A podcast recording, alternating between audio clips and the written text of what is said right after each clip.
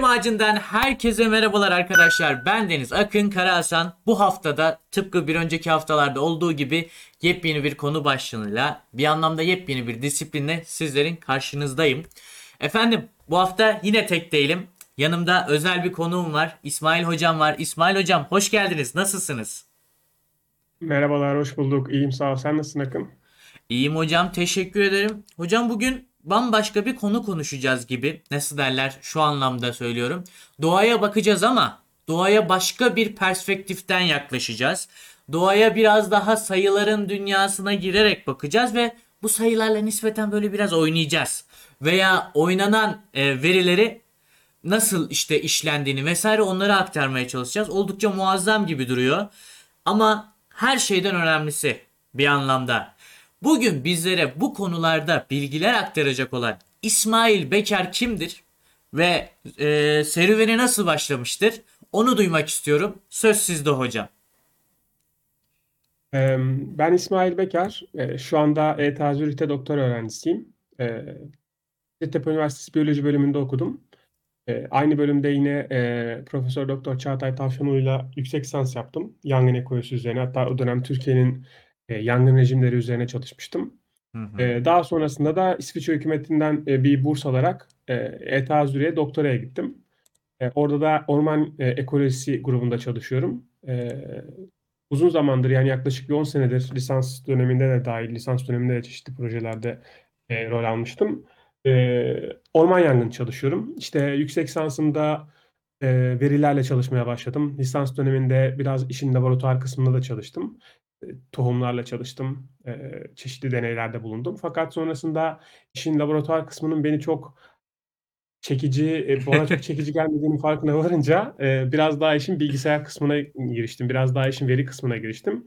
Ve hı. işte yüksek lisansımdan başlayan bu süreçte de e, bilgisayar modellemeleriyle, çeşitli istatistik, istatistiksel modellerle e, yangın ekolojisi çalışıyorum. Son doktoramda işte yangın konularım e, yangın riski, e, orman yangınlarının çıkma Hı hı. e, Potansiyelleri. ihtimalleri Hı ya da potansiyelleri bunlarla ya da iklim değişikliğinin ya da iklimin e, yangınla ilişkisi bu tarz konular üzerine çalışıyorum.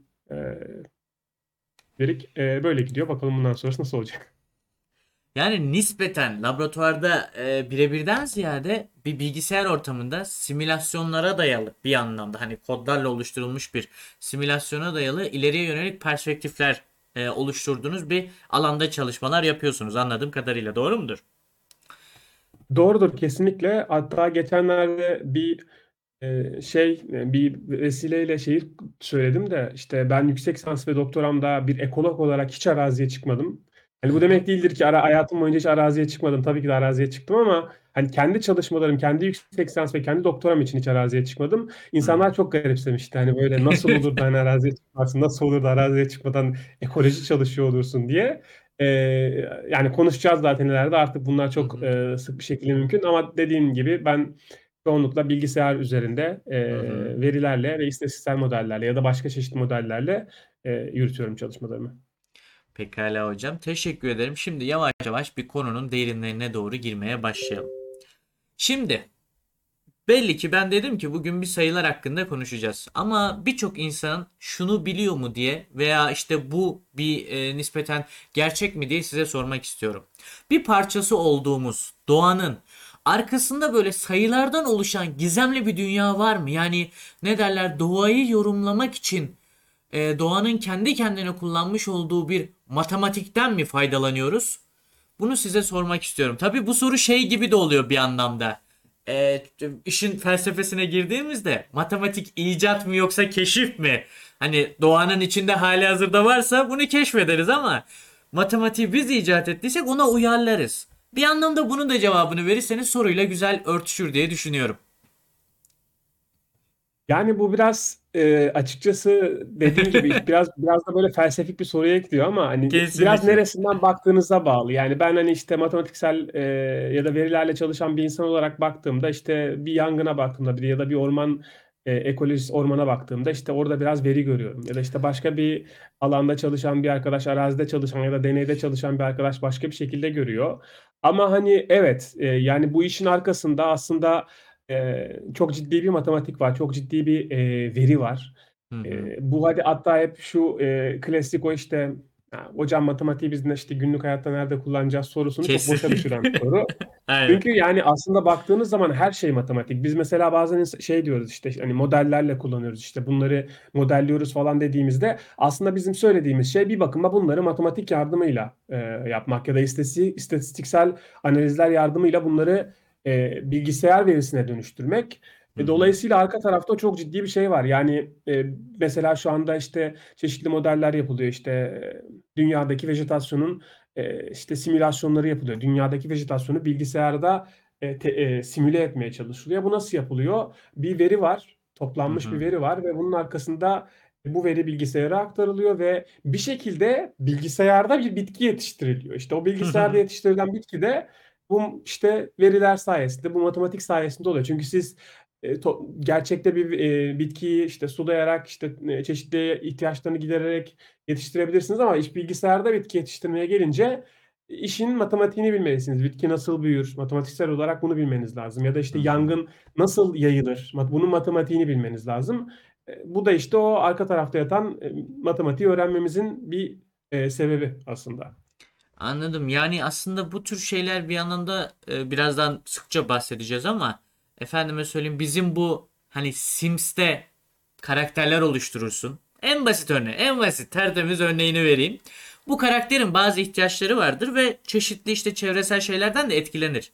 İşte bir bitki büyütmek istiyorsan da onun belli ihtiyaçları vardır ve belli bir e, karakter formu vardır. Ona göre de efendime söyleyeyim şekillendirilmesi söz konusudur. Umarım ki örneğim çok çok komik olmamıştır. Teşekkür ediyorum hocam cevabınızdan dolayı. Şimdi de Bence şunu çok güzel bir örnek. Hı. şunu ekleyeyim ben üstüne sadece. Mesela Tabii hani ki. işte Sims'i oynarken hani biz, eee, mesela normalde Sims oynuyorsan sen son ürünle hani şey yapıyorsun hani Kaç kaç yakalıyorsun. Hı hı. Aynen. Ama mesela ben kendimi o o o senin verdiğin örnekle bir yere koyacak olursam biz Sims'i hani üretmeye çalışan ya da Sims benzeri oyunlar üretmeye çalışan insanlar olarak görüyorum. Çünkü hı. yani Sims gibi bir oyun üretmek için o işin hani nasıl ben bu karakteri bu ekranda gösterebilirim? Nasıl Hı bu hı. karakter su içtiğinde hani işte hani eee, ona iyi gelir tarzında bir düşünceye o onun öğrenmeniz lazım. Biz de işte onu öğrenip, eee, bunları bilgisayara aktarmaya çalışıyoruz diyebilirim yani. Şimdi artık benim söylediğimden çok daha muazzam bir e, hal aldı. İyi ki de böyle bir açıklama yaptınız. Teşekkür ediyorum. Şimdi sayın hocam, doğa bilimlerinde şimdiye kadar işte kurmuş olduğumuz pek çok deney düzeneği var. Pek çok gözlemimiz var.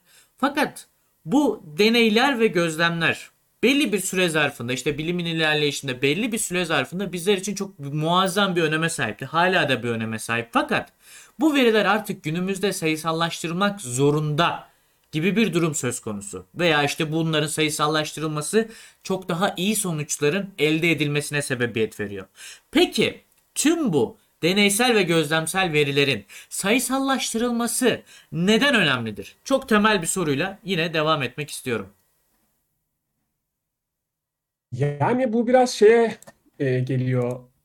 Hani teknoloji neden, eee, önemlidir gibi bir soruya geliyor bence. Çünkü, Evet, eee, muhtemelen. yani sahip olduğumuz teknoloji bize eskiden yapamadığımız şeyleri yapma imkânı, eee, sağlıyor. Hı hı. Eee, yani işte her çeşit teknoloji için geçerli. Bu aynı şey bilim için de geçerli. Eskiden, eee, bir laboratuvara giren bir teknisyen mesela, eee, 10 tane herhangi bir iş, örnek vermeyeyim yani 10 tane iş yapabiliyorsa şimdi biz onu teknolojik hâle getirerek aynı işi aynı sürede belki 100 kere yapabiliyoruz. Ya da mesela yaptığımız deneyleri, simülasyonları ya da mesela modellemeleri normalde siz bir, eee, araştırma yapacaksanız mesela ekolojide bir araştırma yapacaksanız ve bir araştırma sorunuz varsa spesifik bir örnek vermeden gideceğim ama, eee, eğer ki bir araştırma sorunuz varsa ve bunu bir serada yapmanız gerekiyorsa siz bunu bir serada yapabilirsiniz ama sınırlı bir örnekleminiz olmak zorunda. Çünkü sonsuz paranız yok. Sonsuz büyüklükte bir seranız da yok. Dolayısıyla siz bunu küçük bir örneklemle yapmak zorunda kalıyorsunuz. Fakat günümüzde sahip olduğumuz hem bilgi birikimi hem de sahip olduğumuz teknoloji bizim artık bunların modellemelerini yapmamızı sağlıyor eee, imkân veriyor. Yani siz bu soruyu işte küçük bir serada yapacağınız bir deneyi bilgisayar ortamına taşıyarak çok daha büyük örneklemlerde gerçekleştirebiliyorsunuz. Bunları, eee, kafanızda oluşturup bunları bilgisayar modellemeleri yardımı aracılığıyla, eee, yapabiliyorsunuz ve dolayısıyla bu yüzden işte sayısallaşma yani bilgisayardaki bu sayısallaşma çok önemli bir yere geliyor. aynı yerde ne kadar çok veriniz olursa mesela şu anda ben uydu verilerini çal kullanarak çalışıyorum. Her geçen yıl benim, eee, nasıl diyeyim, çalışmalarımın dayanağı çok daha güçlü hâle geliyor. Çünkü daha fazla veriye sahip oluyoruz. Daha değişik Kesinlikle. daha verilere sahip oluyoruz. Çok daha yüksek çözünürlükte verilere sahip oluyoruz. Dolayısıyla bu, hani, hem bize daha yeni, eee, araştırma soruları sorma imkânı veriyor hem de eskiden var olan soruları çok daha iyi analiz etmemize sağlıyor. Bu yüzden, işte, bu, eee, sayısallaşma çok önemli bir hâle geliyor. Anladım hocam, teşekkür ediyorum. Şimdi nispeten yine bu soruyu biraz daha irdelemek ve mümkünse, eee, biraz böyle örnekleriyle özellikle sizin alanınızdan söz konusuysa veya aklınıza gelebilecek bir alandan örnekler söz konusuysa oradan devam etmek istiyorum. Yapılan gözlemlerin, deneylerin sayısallaştırılması eskiye nazaran bize ne kazandırdı? Yani bir anlamda evet benzer bir yaklaşım sergilenecek bu soru da cevaplanırken ama şunu da e, söylemek istiyorum. Yani gözden kaçırdığımız bir şeyler mi vardı? Deneysel ve e, gözlemsel bilgilerin direkt olarak aktarılmasıyla. Efendime söyleyeyim ne diyeyim? Ben diyelim ki bir popülasyon e, çalışıyorum. Belli canlı gruplarında ekstremitelerin işte uzuvların e, uzunluklarını çalışıyorum. Ve bunu nispeten gözlemsel yapıyorum. Efendim bu sayısallaştırma bana bu ekstremitelerin enini, boyunu, dikine vesaire hepsinin ölçmemi sağladı. Ve tüm bunların bilgisini elde etmemi sağladı. Ben de şimdi böyle bir veri seti varken, eskiden ise çok daha kısıtlı bir veri seti varken, bu iki veri seti karşılaştırıldığında yeni sayısallaştırılmış veri bana eskiye nazaran neler kazandırdı? Onu sizden duymak istiyorum. Aklınıza gelebilecek örnekler varsa. Var, hatta çok güzel örnekler var. Hı hı. Emm, mesela şöyle bir örnek verebilirim ben. Düşünün, az önce ben mesela yüksek lisans, eee, tezimde Türkiye'nin, eee, yangın risklerini etkileyen faktörleri çalıştım. Hı Ben hı. bunu tamamen bilgisayar üzerine çalıştım, eee, ve uydu görüntülerini kullanarak çalıştım. Benim çalışma alanım Çanakkale'den tutun Adana'ya kadar ulaşan, eee, Akdeniz bölgesi dediğimiz, Akdeniz ekosu dediğimiz bu ekosistemde o kıyı kesimiydi, Türkiye'nin kıyı kesimi. Ben bunu uydu verilerini kullanarak neredeyse, yani neredeyse sıfır maliyetle yaptım ki hani laboratuvarda bu işi laboratuvara giren arkadaşlar bilir genelde, eee, laboratuvar çalışmaları çok, eee, maliyetli olur, Pahalıdır. eee, ve ben bunu neredeyse sıfır maliyetle yaptım. İşin bir kısmı maliyet var. Burada bir, eee, maliyeti azaltıyor. Bir de daha önemli kısmı ben normalde bu çalışmayı 40 sene önce yapmak, eee, istesem ya da 30 sene önce ya da Hı 20 hı. sene önce yapmak istesem mesela benim kullandığım uydular 2000 yılında sanırım 99 ve 2000 yıllarında çalışmaya başlamıştı.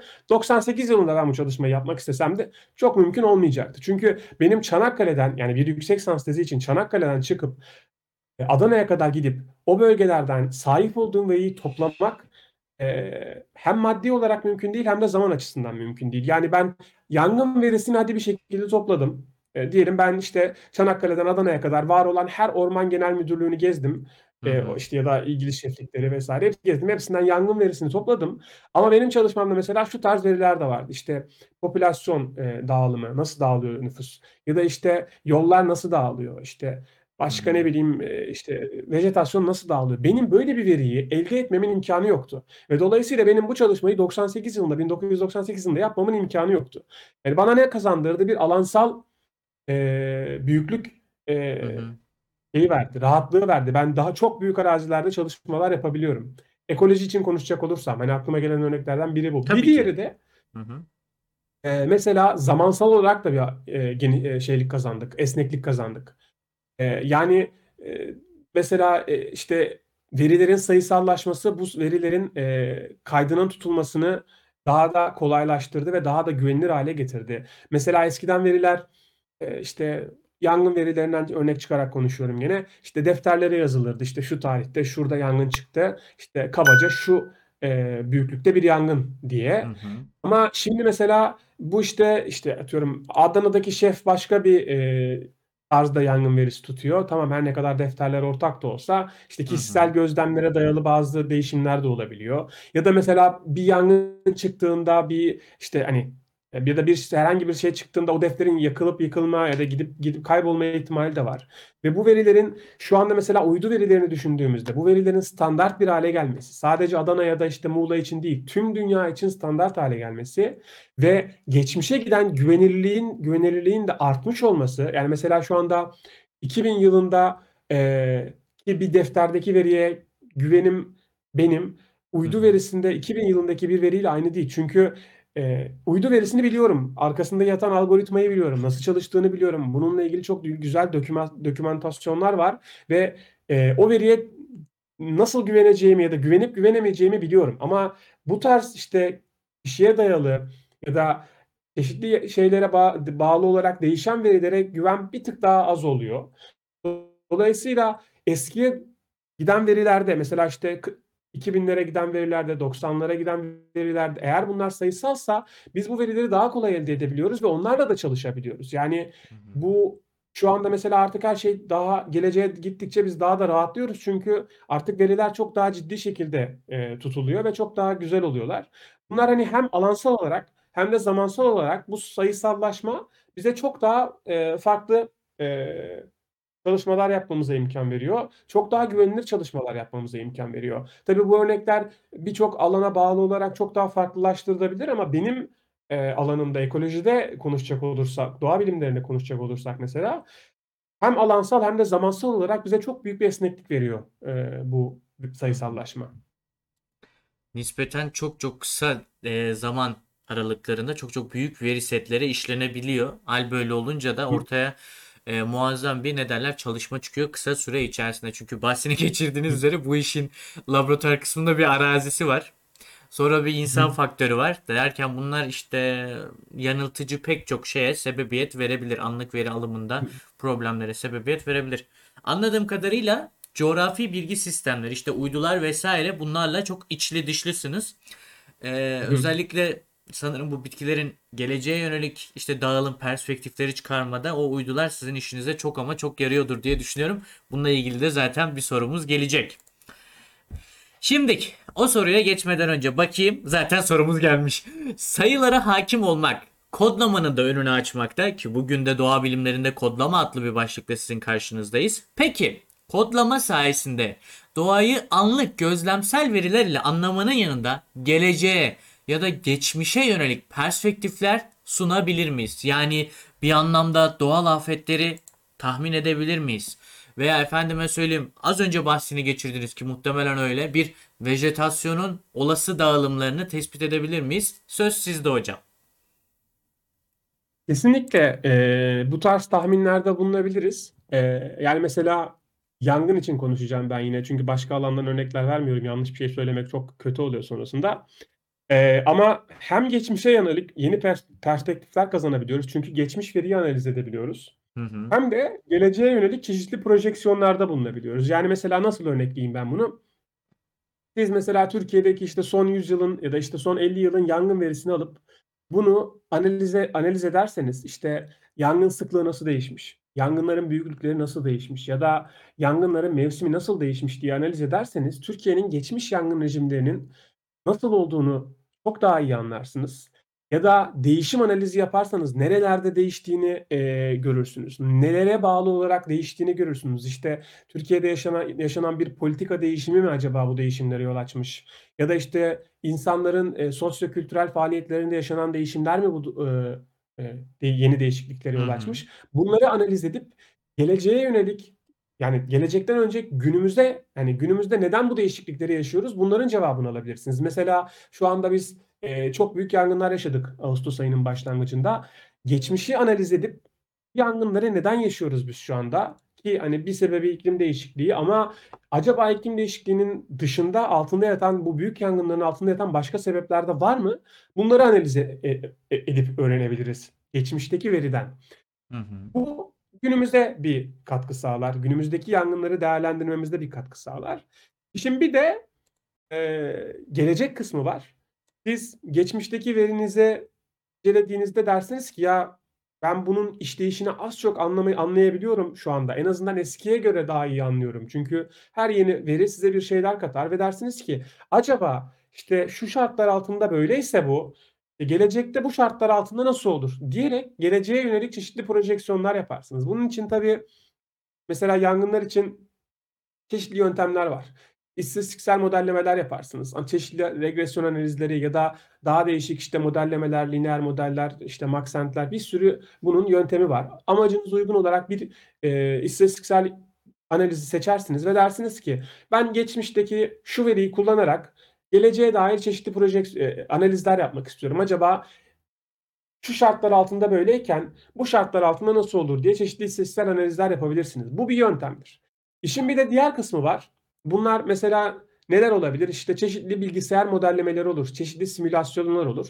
Bunlar çok daha karmaşık e, matematiksel altyapıya sahip. Yani mesela yangın için söyleyeyim e, bir çalışma vardı aklıma o geldi. İşte yangınsız bir dünyada e, dünyadaki karasal ekosistemlerin nasıl dağıldığını e, araştırmıştı araştırmacılar. Ve buna yapmak için sizin önce şunu bilmeniz lazım. Yangınlı bir dünyada, yangının var olduğu bir dünyada biz bilgisayardaki modeli nasıl e, günümüz vejetasyonunu yansıtacak şekilde çalıştırırız? Bu sorunun cevabını biliyor olmanız lazım. Yani bir bilgisayar modeli yapacaksınız ve o bilgisayar modeli size günümüzdeki vejetasyonu temsil edecek şekilde çalışacak. Daha sonrasında İşin içinden yangını çıkartacaksınız. Yani siz modelinize diyeceksiniz ki yangını kapatalım, yangın hiç olmasın. Ondan sonra geleceğe modelleme yani ondan sonra diyeceksiniz ki yangınsız bir dünyada nasıl e, bir vejetasyon dağılımı olur? Bu şekilde sizin bu sa- sahip olduğunuz bilgi birikimi yani işte vejetasyon neye bağlı olarak değişir? İklim işte vejetasyonun dağılımını nasıl değiştirir? Bunları sahip olduktan sonra yapmanız gereken tek şey geleceğe yönelik olarak mesela nasıl bunu uygularsınız? Dersiniz ki işte ben iklim şu şartlar şu iklim altındaki dağılımı biliyorum. İşte e, iklim olmadığı ya da çeşitli özelliklere göre mesela yangına göre de nasıl değiştiğini de biliyorum. Tek yapmanız gereken şey yeni bir iklim koymak.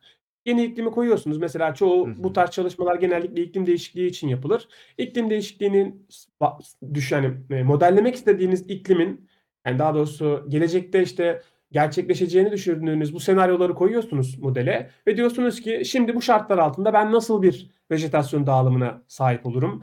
Aynı şeyi, benzer şeyi daha doğrusu yangınlar için de yapabiliyoruz. Diyoruz ki işte şu şartlar altında bu vejetasyonda şöyle yangınlar e, sahibiz ya da işte mesela şu sıklıkta, şu büyüklükte ya da işte şu e, mevsimde yangınlara sahibiz. Acaba gelecekte çeşitli iklim senaryoları e, altında bu nasıl bir e, bu yangınlar nasıl değişir? Bunların cevabını e, alabiliyoruz. Bu ikinci kısım yani ilk başta bahsettiğimden iki, iklim istatistiksel senaryolar, istatistiksel analizlerle yaptığımız e, o birinci kısımdı. Bu ikinci kısım biraz daha kompleks, biraz daha karmaşık, daha fazla e, matematiksel altyapıya ve daha fazla veriye e, ihtiyaç duyuyor. İhtiyaç duyuyor. O yüzden işte hem e, uydu verilerinin gelişmesi hem de sahada çalışan hani yani bu sadece tabii ki demek değildir ki uydu verileri dünyayı kurtaracak ya da işte sayısal veriler dünyayı kurtaracak. Bir yandan da sahada çalışan insanların verilerini kullanıyoruz biz. Yani mesela bir bitki nasıl büyür?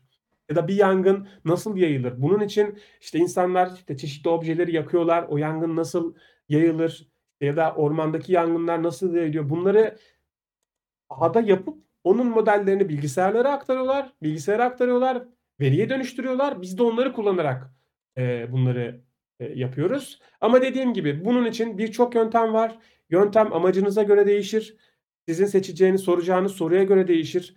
Benim alanımda kullanılan en çok iki yöntemden bir tane, ikisi yani e, en çok kullanılan yöntemlerden ikisi cümleyi kuramadım.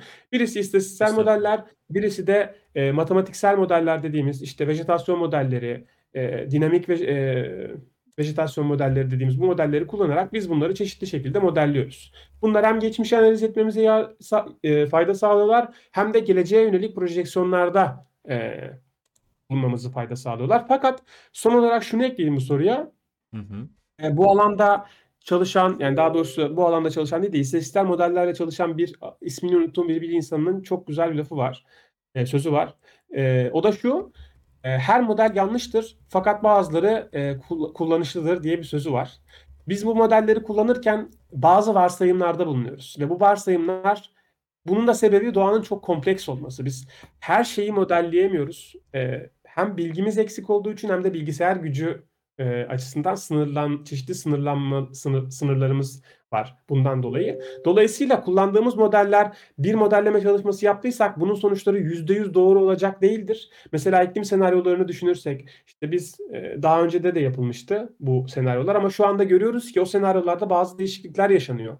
Bu da işte ne kadar çok veriye sahip olursak, ne kadar çok yeni şey öğrenirsek bu modellere olan güvenimiz artıyor tabii ki de. Ama bir yandan da eee, bu kafanın kafamızın bir ucunda bu eee, uyarının bulunması lazım. Çünkü sonrasında bazen işte eee, nasıl diyeyim hem medyada işte hem de bazı hı. çeşitli bilim insanları tarafından eee, çeşitli eee, nasıl diyeyim doğru olmayan eee, tabirler oluyor. İşte bir çalışma yaptım. İşte bu çalışmanın mesela en son geçenlerde bir arkadaş şey demişti işte eee, ayran içer ayran içmek otizme sebep olur. Hani 6 tane Evet. farede bir çalışma yaptıktan sonra hani bunu tüm insanlara Örneklem nasıl boyutu ne kadar büyük ama yani inanılmaz. yani hani bir de e, olay sadece o da değil. Yani hani sonuçta bir çalışmaya deney düzeninizde bir yanlışlık olabilir ya da bir eksik varsayım, yanlış bir varsayımınız olmuş olabilir. Bir sürü sebep olabilir. Dolayısıyla bilgisayar modelleriyle çalışırken bunu da akılda tutmakta fayda var. Her zaman modelimi nasıl daha iyi yapabilirim ya da analizimi nasıl daha iyi yapabilirim? Acaba bir yerisinde eksiklik var mıdır diye. Kafamızın bir kenarında bir e, ipucu e, uyarı kalmasında e, fayda var yani. Tamamdır hocam. Teşekkür ediyorum. E, cevabınız için oldukça da muhtemelen detaylıydı. E, bu e, sorunun cevabını bekleyen arkadaşlar için muazzam bir açıklama oldu. Şimdi benim biraz daha e, şöyle şeylerden çıkıp bitkilerden çıkıp biraz daha böyle hayvanları öngörerek sormak istediğim bir şey var. O da şu. Doğayı tahmin edilebilir kılmak özellikle de canlı çeşitliliğini kısıtlı bir yönde evrimleşmez, e, evrimleştirmemize sebebiyet vermez mi? Ne demek istiyorum?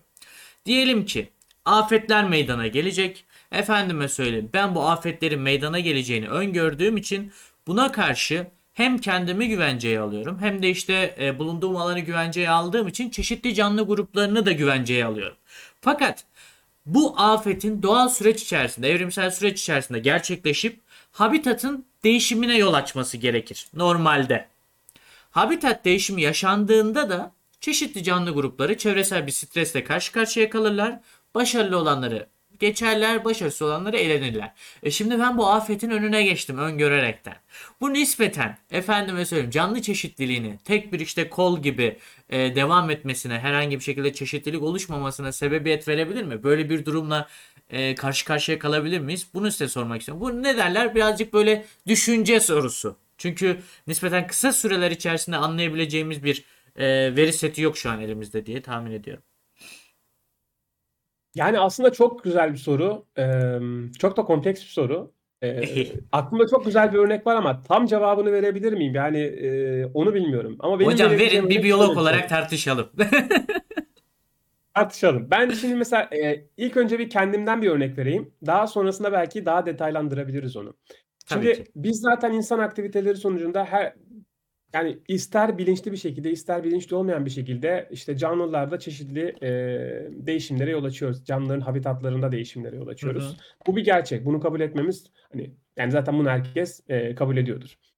Eee, ama eee, bu bunun bilinçli olması bazı hem dediğin gibi eee, tabii ki de bazı potansiyel olasılıkları e, göz önüne getir- ge- getiriyor bu böyle ak- aklımıza geliyor ama bir yandan da bize avantaj sağlıyor. Şöyle avantaj sağlıyor. Mesela biz orman yangınlarında hep şey deriz. Yangın rejimi çok önemlidir. Yangın rejimi çok önemlidir. Yangın rejiminin değişmemesi lazım. Ve yangın rejiminin değişmemesi tam da bu sebepten önemli. Eee, şu sebe- şundan dolayı yangın rejimi dediğimiz şey bir bölgenin eee, orman sık e, mesela yangınların sıklığını, mevsimini, büyüklüğünü ve tipini ve birkaç diğer eee, faktörü daha barındıran geniş bir kavram. Şimdi bir bölgede bir bölgenin yangın rejimi o bölgede binlerce yıldır, yüz binlerce yıldır var olan ve varlığını sürdüren bir yangın rejimi. Şimdi buna dolayısıyla bitkiler de bazı hayvanlar da hatta bir adaptasyon sağlıyorlar. Buna uyum sağlıyorlar. Dolayısıyla siz yüz binlerce yılda hatta belki de milyonlarca yıldaki e, var olan bu yangın rejimini değiştirdiğinizde bir anda işte çeşitli işte geldik buraya yerleşim yeri kurduk. E, işte buralar hiç yanmasın. Biz burayı milli park ilan ettik. Buralar da hiç yanmasın. Bunu bu şekilde değiştirdiğinizde canlılarda zaten bir değişime yol açıyorsunuz. Aynen. Çünkü Eğer ki bu orman her 5 yılda bir ya da işte her 30 yılda bir yanmaya alışmışsa ve siz diyorsanız ki ben burayı milli park ilan ettim. Burası bundan sonra hiç yanmayacak. O bölgedeki ekosistemde zaten bir değişime yol açıyorsunuz. Dolayısıyla bizim geçmişe dair analizlerimizi yapmamız, yani bu verilerin işte e, sayısallaşması, bu bilgi birikimimizin artması bize şunu öğretiyor. Diyor ki bakın diyor bu bölgenin yangın rejimi budur, doğal yangın rejimi budur ve bunun bu gerçekleşmesi lazım. Çünkü biz biliyoruz ki bugün eğer ki bölgede yangın rejimi, o bölgenin yangın rejimi e, her 30 yılda bir ya da her 50 yılda bir ya da her 5 yılda bir yanmasını e, yanması gerekliyse siz bu yangınları o ekosistemden tamamen çıkardığınızda o bölgeye zarar veriyorsunuz. Çünkü o ekosistem onunla yaşamaya alışık. O bölgedeki bitkiler de buna alışık, o bölgedeki hayvanlar da buna alışık. Hani e, dolayısıyla bizim mesela şu anda e, gelişmiş ülkelerde şu konuşuluyor artık. Hani yangın rejiminin, doğal yangın rejiminin korunmasından konuşuluyor. Nasıl yangınları e, daha az hem ekosisteme hem de insanlara daha az zarar verebilecek şekilde muhafaza ederiz. Yani bazı yangınların mesela kontrollü yangınlar çıkartılması konuşuluyor. Yani demek Kesinlikle. istediğim şey şu oluyor. Biz aslında verilerin, biz öğrendiğimiz şeyler bize tarihsel yangın rejimlerini korumamıza e, imkan veriyor. Aynı şekilde bu birçok e, şey için de geçerli. Yani herhangi bir canlının ihtiyaçlarını, herhangi bir canlının e, yaşam alanını öğrenmemiz, onun yaşamsal davranışlarını öğrenmemiz bize o canlının aslında e, hayat ekosistemini koruyabilmemiz için de bize imkan veriyor. Ama dediğin kesinlikle doğru. Bir yandan da gittiğimiz dünya bu tabii bu işin hani e, veri ta- veri tarafıyla ya da sayısallaşma tarafıyla ne kadar alakalı bilmiyorum ama çeşitli e, insan davranışları sonucunda, çeşitli sosyokültürel ya da sosyoekonomik davranışlar sonucunda e, ekosistemlerde çok ciddi bir değişime e, yol açıyoruz. Mesela en büyük örneklerden bir tanesi ağaçlandırma faaliyetleri. Eskiden beri işte tek tip ağaçlandırma denen ve şu anda günümüzde birçok ülkenin ya da geçmişte birçok ülkenin başına bela olan işte her tarafa çam ekelim ya da her tarafa meyve ağacı ekelim şeklinde tek tipli ağaçlandırma e, aktiviteleri çok ciddi problemlere yol açtı. Hem ekosistemlerde çeşitli kayıplara yol açtı hem de e, daha farklı e, sorunlara yol açtı. Dolayısıyla ben her taraftan olaya hep iyi açıdan bakıyorum. Çünkü ne kadar çok şey öğrenirsek doğa hakkında o kadar doğal süreci o kadar doğal yönetme e, kapasitemiz olacaktır. Ha bunu ne kadar yaparız? Bu işin ayrı bir kısmı. Hı hı. Ama en azından ne kadar çok şey öğrenirsek işi o kadar e, doğal tutma kapasitemiz ya da olasılığımız olasılığımız olacaktır diye düşünüyorum. Bir anlamda normal halini bilirsek ona göre de yine normalleştirmeye yönelik çalışmalar gerçekleştirebiliriz ki bu da zaten doğanın hali hazırda kendi isteği olacaktır diyorsunuz. Kesinlikle. Gayet e, efendime söyleyeyim hiç tartışmaya yer vermeyen bir açıklamaydı. Onu baştan söyleyeyim. Teşekkür Ama hani ederim tekrar tekrar. edeyim işin e, şey kısmı tabii çok hani e, hala da işte bilimle politika arasında bir uçurum var. Tabii. Hani biz bir şeyler söylüyoruz ya da işte bilim insanları bir şeyler Hı söylüyorlar. hı. Ee, işte o politikaya ne kadar dönecek? En sonki yangın olaylarında da bunu gördük. Hani işte bir şeyler anlatan ormancı hocalarımıza ya da bir şeyler anlatan yangıncı e, kişilere hep işte yani tamam siz anlatıyorsunuz da hani politikacılar ne yapacak gibisinden e, sistemler geldi. E, hani bu imkana sahip olmak, bu olasılığa sahip olmak güzel ama bunun bir an önce e, şeye dönüşmesi de e, önemli. Hı. E, o yüzden hani dediğim gibi bu bir olasılık. İnşallah bu olasılığı olabilecek en doğal şekilde, en güzel şekilde kullanırız. Yani e, konusunu geçirmek istemiyorum. Hani çünkü bir anlamda ne derler? Sürekli olarak yangın konuştunuz. Şimdiye kadar hep yangın, yangın, yangın konuştunuz. O yüzden hani nispeten ben biraz daha işi kodlama tarafındayım. Sıkılmamamız Evet. için. Efendim sadece Evet. şunu tekrardan hani siz de söylediniz ben de dile getirmek istiyorum. E, çok muazzam bir kayıp yaşadığımız bir dönemden geçtik. Fakat şu var, sizler de dile getirdiniz, Sayın e, Çağatay Hocam da dile getirdi. Akdeniz Havzası yangına alışık bir hav- havza ve oradaki bitkiler de efendime söyleyeyim bu tüm evrimsel süreç içerisinde yangınla iç içe büyümüş. Yanlışım varsa lütfen lütfen düzeltin beni. İç içe büyümüş bir bitki vejetasyonu söz konusu. Hal böyle olunca bunun e, işte toplumla karşı karşıya gelmemesi durumunda aslında nispeten çok da istediğimiz bir senaryoydu.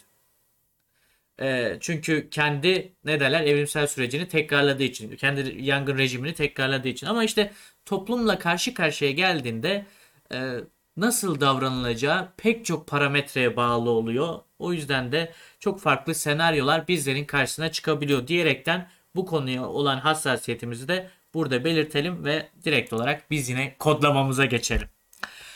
Şimdi hocam kodlamadan bahsettik. E, efendime söyleyeyim canlılardan bahsettik daha doğrusu ağırlıklı olarak. Fakat ben şunu size söylemek istiyorum. Şimdi popülasyon içerisindeki bir bireyin çeşitli aktiviteleri ve olası davranışlarının sayısallaştırılması ve işte karşılık bir veri seti ortaya çıkıyor. Fakat bu canlılar bazı davranışları hani öngörülebileceği gibi bazı davranışlarını da hiçbir şekilde kestiremezsiniz.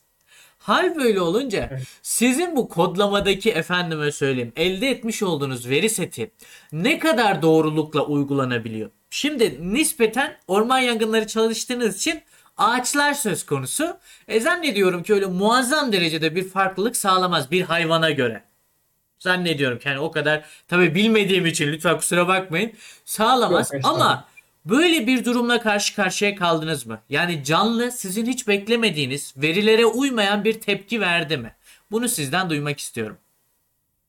Yani şöyle, eee, bu az önce dediğim şeye geliyor işte çeşitli varsayımlar yapıyoruz dedim ya ona denk geliyor. Çünkü bilme, bir şeyi bilmiyorsanız bir varsayım yapmak durumunda kalıyorsunuz. Diyorsunuz ki işte ben böyle bir varsayım yapıyorum diyorsunuz. Ya da işte elinizde bir veri var onunla ilgili bir analiz yapmışsınız ve çeşitli analizlerle oraya bir eee, nasıl diyeyim ne diyorlardı ona parametre koyuyorsunuz. Diyorsunuz Hı ki işte, işte yangının yayılma işte mesela e, ya da işte ağacın işte büyüme e, ış- ışığa karşı verdiği parametre ışığa karşı büyüme hızı şu Hı hı. gölgede olduğu zaman bu Hı hani mesela ya da işte yangının bu ağacın kabuğunu yakma e, seviyesi işte bak işte o ne derler katsayısı bu katsayı Hı aradığım kelime katsayıydı İşte katsayısı bu ama işte şu bitki ise bu katsayı bu. İşte burada siz bazen bu katsayıları bu dediğim o düzeltme katsayılarını çeşitli verilerden alıyorsunuz. Mesela bir hoca analizi araştırmacı grubu araştırma grubu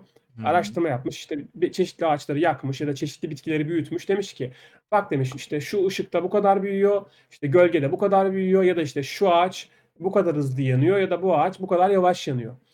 Bunları tamamen basit, basit yani basite indirgeyerek anlatmaya Tabii ki de tabii ki de. Ee, ve dolayısıyla siz burada o yapılan deneye muhtaçsınız. Eğer ki o yapılan deneyde bir yanlış varsa ya da bir eksiklik varsa bu eksiklik sizin çalışmanıza da e, Yansıyor. devam ediyor. Hı hı. Yani yansıyor. Burada işte mesela benim yaptığım çalışmalar biraz daha e, nasıl diyeyim şu an günümüze dair ben daha henüz gelecek geleceğe dair çok çalışma yapmadım. E, ama mesela şöyle bir şey olduğunuzda şöyle bir şey gördüğünüzde mesela ben yüksek lisans tezimde bir çalışma yaptım ve çalışmamın sonuçlarını doktoram benzer bir çal- benzer demin yani dolaylı yoldan benzer bir çalışmayı doktoramda da yaptım ve fark ettim ki sonuçlar aynı yere gidiyor. Dolayısıyla ya hani şunu düşünüyorum ben iyi şeyi düşünerek diyorum ki ha evet benim yaptığım çalışmayı farklı bir yönden hı. de gittim ve do- aynı sonuca buldum Teyit diyorum. Aynı ettiniz bir sonuca anlamda. diyorum. Hı hı. Teyit ettim diyorum. Hani aklımıza getirmiyoruz ama uzak bir ihtimal diyorsun ki yani yanlışı aynı yanlışı burada da yaptın. Ama işte ne kadar çok e, veriniz olursa, ne kadar çok e, farklı açılardan aynı sonucu bulursanız sonucunuza hı. olan güveniniz o kadar artıyor. Ama e, işte bu yüzden modellemelerde biz hep modellerin sonuçlarına tamam ben çünkü bir deney yapıyorsanız e, deneyin şartlarını kontrol ettiğiniz olan güveniniz yüksekse diyorsunuz ki yani diyorsanız ki ben protokollerin hepsini layıkıyla yerine getirdim ve bu protokoller de işte yüzlerce bilim insanı tarafından onaylanmış. Ee, tabii dolayısıyla buna güveniniz sizin yaptığınız deneye bu protokollere olan güveniniz yüksek olduğundan siz de o protokolleri takip ettiğinizden e, buna olan e, güveniniz yüksek oluyor. Ama biz bir modelleme çalışması yaptığımızda sonucumuza bu kadar güvenemiyoruz. Yani tabii ki de sonucumuza güveniyoruz ama aklımızda her zaman birisi bize gelirse ya senin sonucun yanlış bak ben böyle bir modelleme daha yaptım sonucum e, farklı çıktı dediğinde doğrudan hani savunmaya geçmiyoruz çünkü e, biliyoruz yap hani bir yanlışlık olabilir bir eksiklik olabilir ama bunlar tabii ki de artık özellikle günümüzde e, biraz da hani böyle herkes böyle yani günümüz şartlarında içinde bulunduğunda böyle şey yapamıyorsunuz. Ee, işte ya bir şey deneyeyim. Böyle bir şey yapamıyorsunuz tabii ki de. Ucundan kıyısından bir bilimsel veriye dayandırarak yapıyorsunuz ve dolayısıyla bu veriler bir bir- birçok insan tarafından, birçok bilim insanı tarafından onaylandığı, birçok bilim insanı tarafından sorgulandığı için siz de diyorsunuz ki ya bu zamana kadar bu işleyen bir yöntemdi. Ben bunun ufak bir kısmını alıp değiştirerek şöyle bir e, yöne yönlenmek istiyorum deyip o yönde bir ufak adım atıyorsunuz. Bilimde zaten artık bu şekilde ilerliyor. Yani ufacık bir katkımız oluyor, ufacık bir adım atmış oluyorsunuz. Dolayısıyla yaptığınız çalışmalar çeşitli e, daha önce yapılan doğru olduğunu düşündüğünüz bilimsel verilere dayandığı için siz de zaten yaptığınız çalışmanın sonucunda hani eğer ki e, bir yanlış yapmışsanız özellikle bir modelleme çalışmasında o belli ediyor kendini zaten. Çünkü diyorsunuz yani bu sonuca baktığımda bir yanlışlık var diyorsunuz Hı hı. burada genellikle. Ya da bir yanlışlık yoksa da işte ya da siz bir yanlışlık olmadığını düşün, düşünmüyorsanız da yayınlandığında e, buna çok ciddi bir tepki geliyor ve Hı hı. e, bunu oradan anlıyorsunuz ben bir şeyleri yanlış yapmışım diye ki yakın zamanda buna dair de bir şey oldu. Hani onların yaptığı çalışmada yanlışlık vardı aslında birden fazla yanlışlık vardı. Mesela hepiniz duymuşsunuz, herkes duymuştur bunu. E, bu son zamanlarda geçen sene 2019'daydı galiba bir makale yayınlandı. E, işte ağaç dikerek işte iklim değişikliğiyle savaşabiliriz gibisinden bir mesaj hı. veriyordu bu e, çalışma. Ama e, makaleyi yayınladılar. Hatta Nature'da mı Science'da mı ne bir yerde yayınladılar. Çeşitli modelleme modellemeler sayesinde, çeşitli istatistiksel analizler sayesinde bu e, sonuca varmışlardı. Aslında vardıkları sonuç sıkıntı değil de yani o da sıkıntıydı biraz ama çıkar, çıkardıkları tartıştıkları şeyler e, daha e, tartışmalı ol- yani ortaya verdikleri mesaj daha tartışmalıydı. Çünkü e, çeşitli yaptıkları varsayımlar işte iklim bilimciler tarafından yanlış bulundu. Böyle bir varsayım yapamazsınız dendi.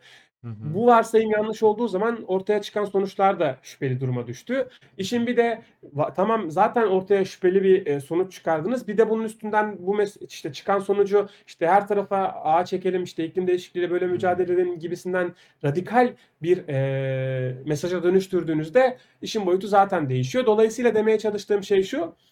e, biz modelleme yaparken modellere olan güvenimiz e, tabii ki de yüksek. Ama her zaman da aklımızda işte e, nasıl bu modeli daha doğru hale getirebiliriz, nasıl e, daha güvenilir veri kullanabiliriz diye bunları hep inceliyoruz, bunları hep irdeliyoruz. Dolayısıyla bir yanlışa e, gitmemek için her türlü e, önlemi almaya çalışıyoruz. Ama nasıl ki yanlış deneyler yapılabiliyorsa herhangi bir e, sebepten dolayı bazen yanlış e, sonuçlara da ulaşabiliyoruz. E, bu artık hani bilimin kaçınılmaz bir e, doğası.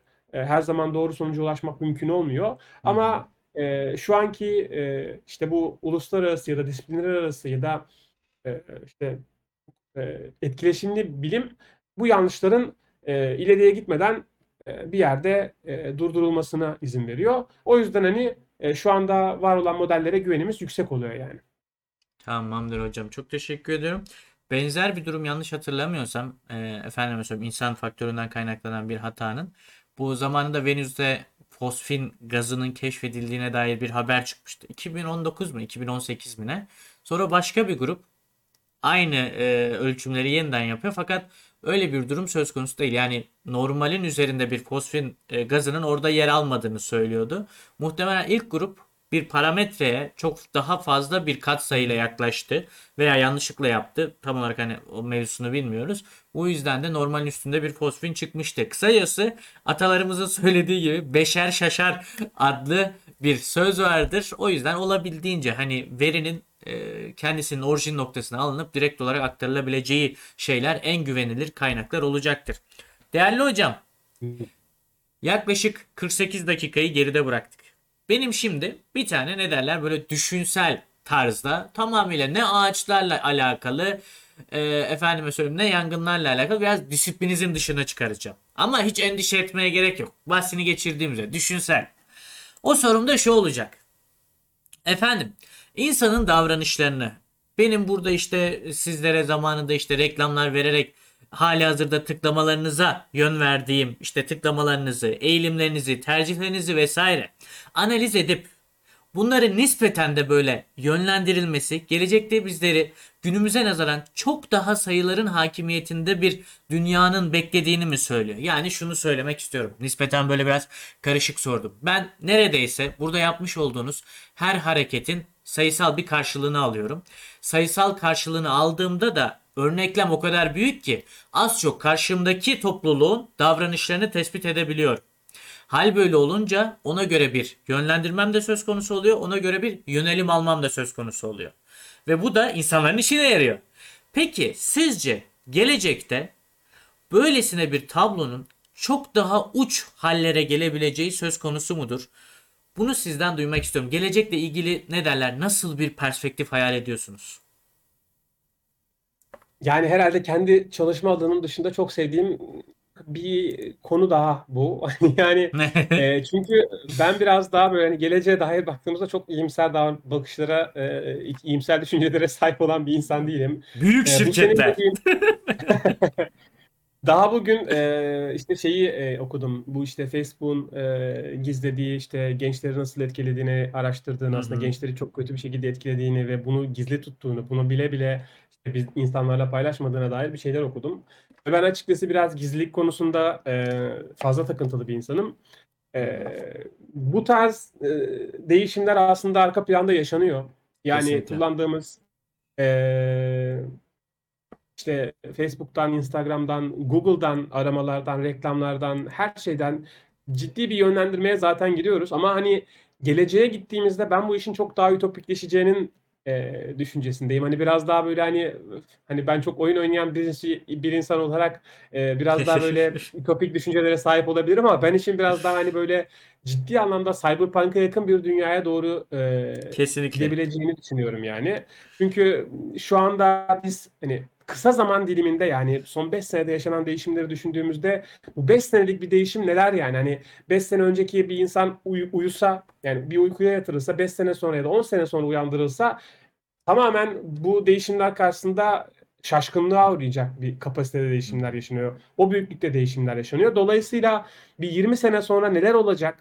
Nasıl değişimler yaşanacak? Açıkçası bunlar beni biraz e, geriyor.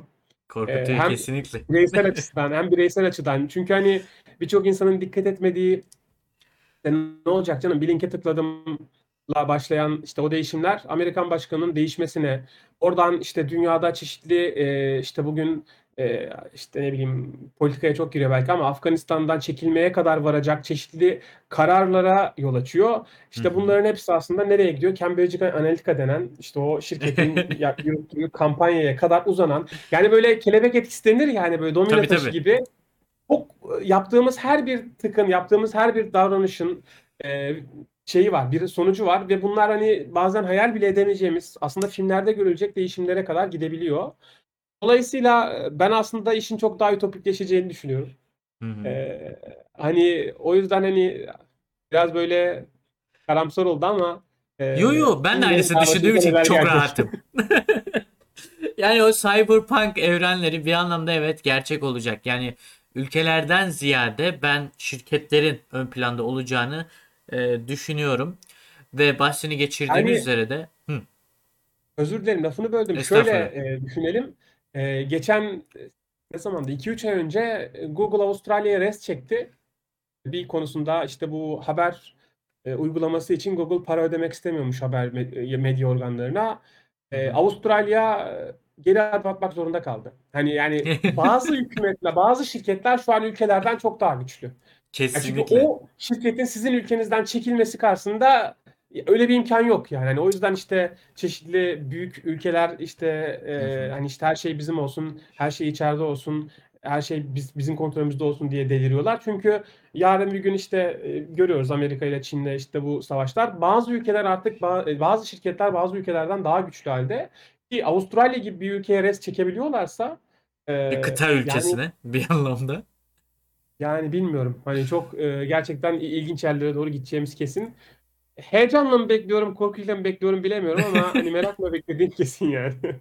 Meraklandığımız kesin de bakalım bunun ne derler kötü bir pasta diliminde olmayalım umarım. Evet hocam ben çok ama çok teşekkür ederim. Muazzam bir sohbetti. Eğer arkadaşlar sorularınız varsa bu 5 dakika içerisinde alalım. Aksi halde hocamıza bu keyifli sohbeti için teşekkürlerini sunup daha fazla vaktini almak istemiyorum. Hemen şöyle soruları olan arkadaşlar bizlere göndersin. Ben de o arada hemen e, normal e, arkadaşlar sorana kadar kendi sorularımdan bahsedeyim. Hocam ne oynuyorsunuz falan diye. Bu ne der? Yayının şey kısmı. Artık yayın bitti. Bilimi şöyle bir kenara bırakalım. Aynen öyle. evet bakalım sorular sorulmuş mu? Şu an henüz yok. 100, 145 kişi bizleri e, izliyor. Bakalım sorusu olan arkadaşlarımız varsa onları dinleyeceğim şimdi. Onun dışında zaten hali hazırda sormuş olduğumuz sorulara olabildiğince detaylı ve olabildiğince açıklayıcı yaklaştınız. Ben e, sormuş olduğumuz sorulardan dolayı ekstradan bir soru geleceğini pek düşünmüyorum ama elbette çok daha farklı düşünenler olabilir.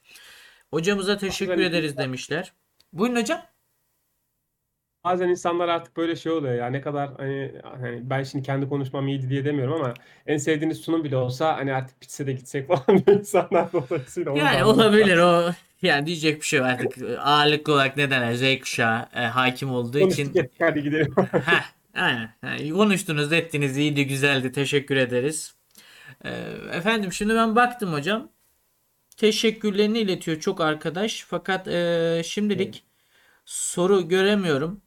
E, hali hazırda yazmakta olan arkadaşlarımız varsa da ben gevezelik ederken görürsem sorarım. Ama göremezsem şimdilik bu akşam için çok ama çok teşekkür ediyorum hocam. Ben çok keyif demek, aldım. Ben teşekkür ederim. Ee, nispeten aynı disiplin içerisinde farklı bir perspektif kazandırdınız bana. Çok çok teşekkür ediyorum. Ee, ilerleyen zamanlarda yepyeni programlarda yepyeni konu başlıklarıyla yeniden sizinle olmak dileğiyle. O zamana kadar kendinize çok iyi bakın. Hoşça kalın. Son sözleriniz varsa almak istiyorum hocam. Teşekkür ederim beni davet ettiğiniz için. Benim için de çok keyifli bir sohbetti. Ee, çok sağ olun tekrardan. Sağ olun hocam. Ne demek? Biz mutlu olduk. Bizlerle beraber olduğunuz için Evrim Ağacı ailesi adına aynı zamanda şahsım adına çok teşekkür eder. İyi akşamlar dilerim. Kendinize iyi bakın. İyi akşamlar.